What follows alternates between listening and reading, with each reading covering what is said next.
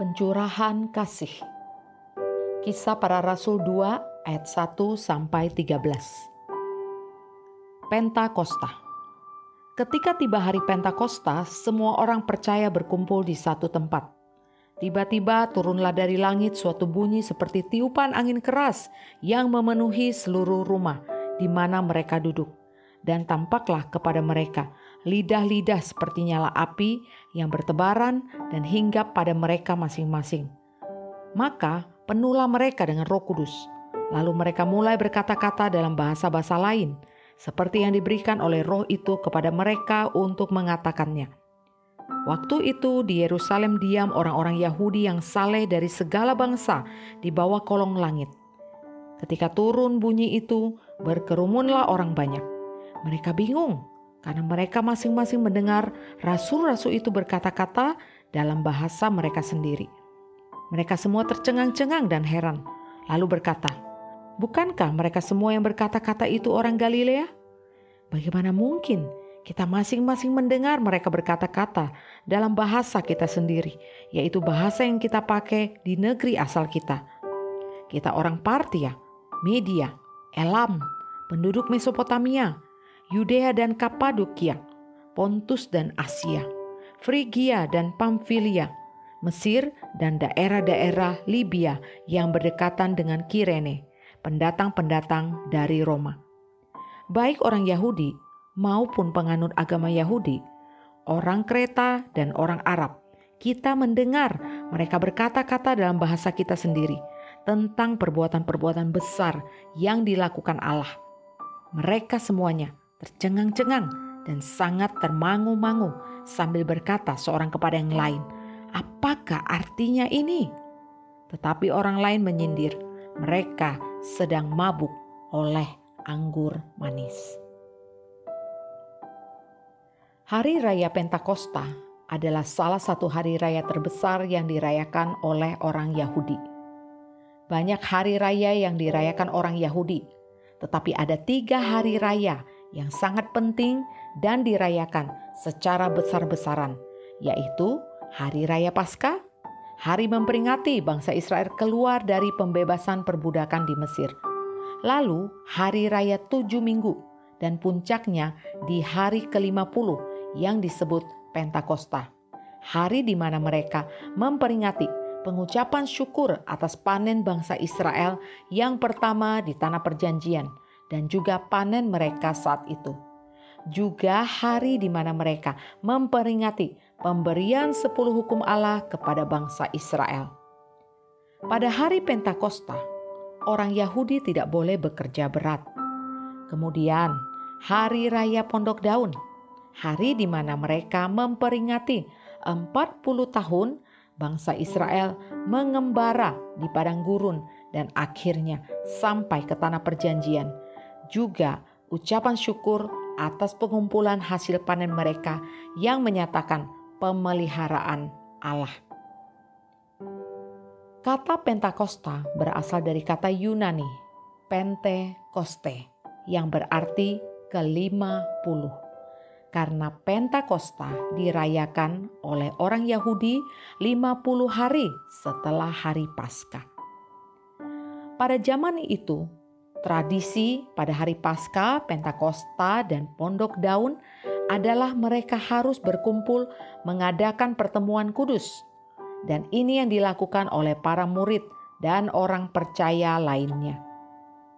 Dalam kisah para rasul 2 ayat 1 sampai 2 dikatakan mereka berkumpul di satu rumah. Sama seperti perayaan Paskah, orang Yahudi dari berbagai kota dan negara akan berkumpul di Yerusalem untuk merayakan Pentakosta. Maka dalam kisah para rasul 2 ayat 5, 8 sampai 11 dikatakan mereka berbicara berbagai macam bahasa sesuai kota atau negara asal mereka.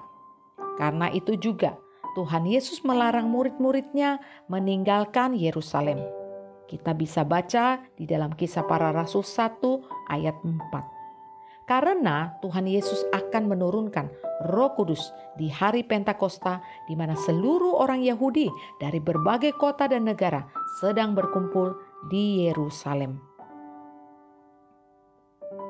Ketika orang percaya dari berbagai kota dan negara tersebut berkumpul bersama para murid dan pengikutnya, Tuhan Yesus menurunkan Roh Kudus seperti yang dijanjikannya kepada para murid.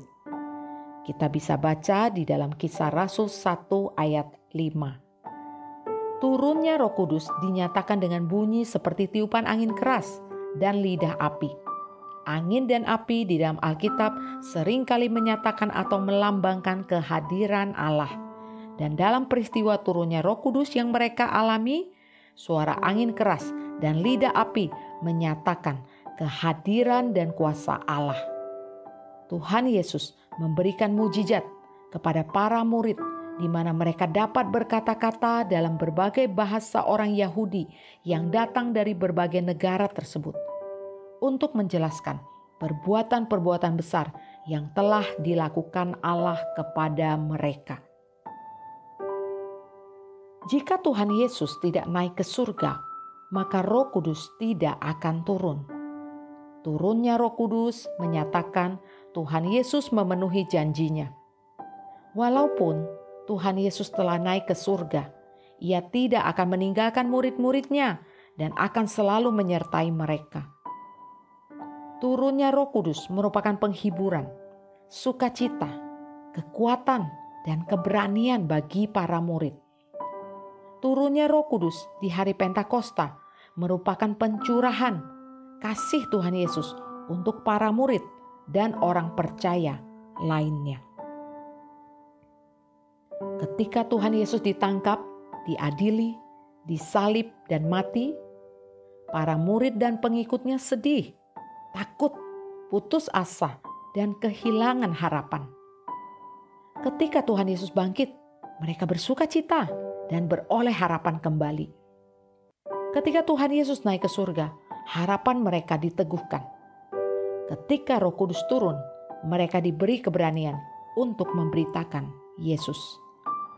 Mereka yang takut, bersembunyi, berkumpul diam-diam, menjadi pemberani, dan memberitakan Yesus dengan lantang dan terang-terangan dengan semua resiko yang akan mereka hadapi, bahkan resiko kehilangan nyawa mereka. Sebelum Roh Kudus turun pada hari Pentakosta, sesungguhnya murid-murid sudah memiliki Roh Kudus ketika mereka percaya kepada Tuhan Yesus dan menjadi murid Tuhan Yesus. Roh Kudus telah hadir di dalam hidup mereka Turunnya Roh Kudus pada hari Pentakosta adalah untuk memperlengkapi para murid dalam melayani. Kuasa Roh Kudus memberikan kekuatan kepada para murid untuk memberitakan Yesus dan meneguhkan janji bahwa mereka akan selalu disertai. Tuhan Yesus berjanji bahwa Ia akan mengirim penolong dalam Yohanes 14 ayat 16. Kata Yunani yang digunakan untuk kata penolong adalah parakletos, yang berarti seseorang yang dipanggil untuk mendampingi sebagai penolong. Kata ini juga berarti penasehat, penguat, penghibur, pembela, dan sahabat. Seperti ia selalu menyertai murid-muridnya, demikian juga ia akan selalu menyertai kita semua orang percaya melalui kehadiran Roh Kudus.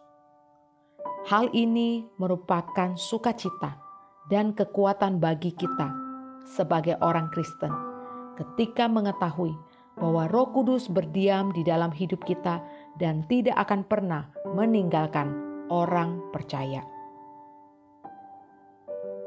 Turunnya Roh Kudus atau Pentakosta telah terjadi hanya satu kali di dalam sejarah. Dan Tuhan Yesus tidak menjanjikan turunnya roh kudus kedua, ketiga, dan seterusnya.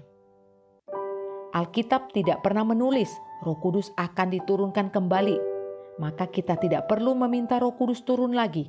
Karena roh kudus telah diturunkan sekali dan untuk selamanya sampai Tuhan Yesus datang kembali. Hari turunnya Roh Kudus yang hanya satu kali ini tercatat di dalam Kisah Para Rasul 2 dan ini yang diajarkan Alkitab. Roh Kudus hanya turun satu kali untuk seluruh dunia, tetapi Roh Kudus senantiasa hadir bagi kita secara pribadi. Ketika kita diselamatkan, Roh Kudus hadir di dalam hidup kita. Dari status orang berdosa menjadi orang kudus tapi karena keberdosaan kita, kita perlu dikuduskan terus-menerus oleh Roh Kudus. Kita harus belajar taat, menerima kuasa, dan menikmati kehadiran Roh Kudus di dalam hidup kita. Seseorang yang dipenuhi Roh Kudus berarti ia memiliki hidup yang benar dan takut akan Allah. Seperti para murid yang hidupnya dipenuhi Roh Kudus, mereka hidup benar, melayani, dan memberitakan Injil. Turunnya Roh Kudus tidak boleh ditafsirkan dan diterjemahkan dengan pikiran dan perasaan manusia yang liar, tetapi harus diterjemahkan dengan apa yang Alkitab ajarkan kepada kita.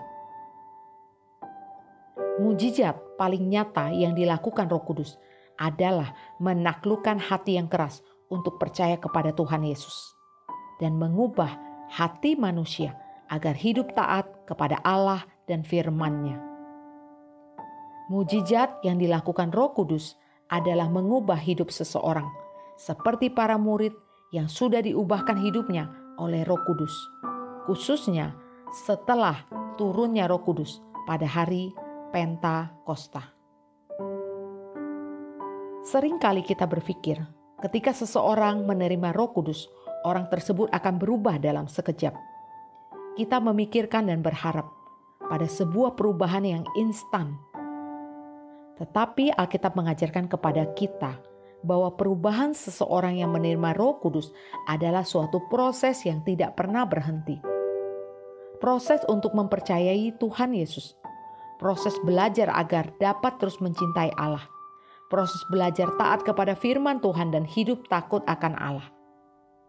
Para murid telah melalui suatu proses pembentukan dan turunnya Roh Kudus di hari Pentakosta memperlengkapi mereka dalam melayani, meneguhkan, dan memberi mereka keberanian untuk hidup bagi Tuhan Yesus. Petrus yang berkhotbah dengan berani dan bersemangat setelah turunnya Roh Kudus adalah Petrus yang sudah melalui proses pembentukan Proses pengudusan orang percaya tidak akan pernah berhenti sampai kematiannya. Dan Tuhan Yesus telah mengirim Roh Kudus yang senantiasa akan mendampingi dan membimbing dalam proses tersebut. Turunnya Roh Kudus merupakan pencurahan kasih Allah kepada para murid dan kepada semua orang percaya, kepada kita. Turunnya Roh Kudus merupakan awal dari penginjilan dunia yang dilakukan oleh para murid. Dengan turunnya Roh Kudus, pekerjaan Tuhan Yesus di dunia ini diteruskan oleh para murid, lalu diteruskan oleh semua orang percaya, oleh kita. Seperti para murid yang diberi keberanian untuk bersaksi bagi Tuhan Yesus untuk memberitakan Injilnya, demikian juga Roh Kudus akan memberi keberanian kepada kita untuk bersaksi bagi Tuhan Yesus, untuk memberitakan Injilnya, membawa manusia berdosa kembali kepada Allah. Saat ini, ketika kita memperingati hari turunnya Roh Kudus atau Pentakosta, mari kita kembali kepada ajaran akan turunnya Roh Kudus yang diajarkan Alkitab, bukan ajaran liar manusia. Roh Kudus akan memberi kita kekuatan dan kesetiaan untuk berjalan bersama Allah. Memberikan kita keberanian untuk memberitakan Injilnya, bahkan sampai ke ujung dunia. Ketika kita memperingati hari Pentakosta, kita akan terus mengingat janji Tuhan Yesus bahwa Ia akan selalu menyertai kita. Kita akan selalu mengingat bahwa pengharapan kepada Allah tidak mengecewakan kita juga akan selalu mengingat kasihnya yang selalu tercurah dengan kehadiran Roh Kudus di dalam hidup kita.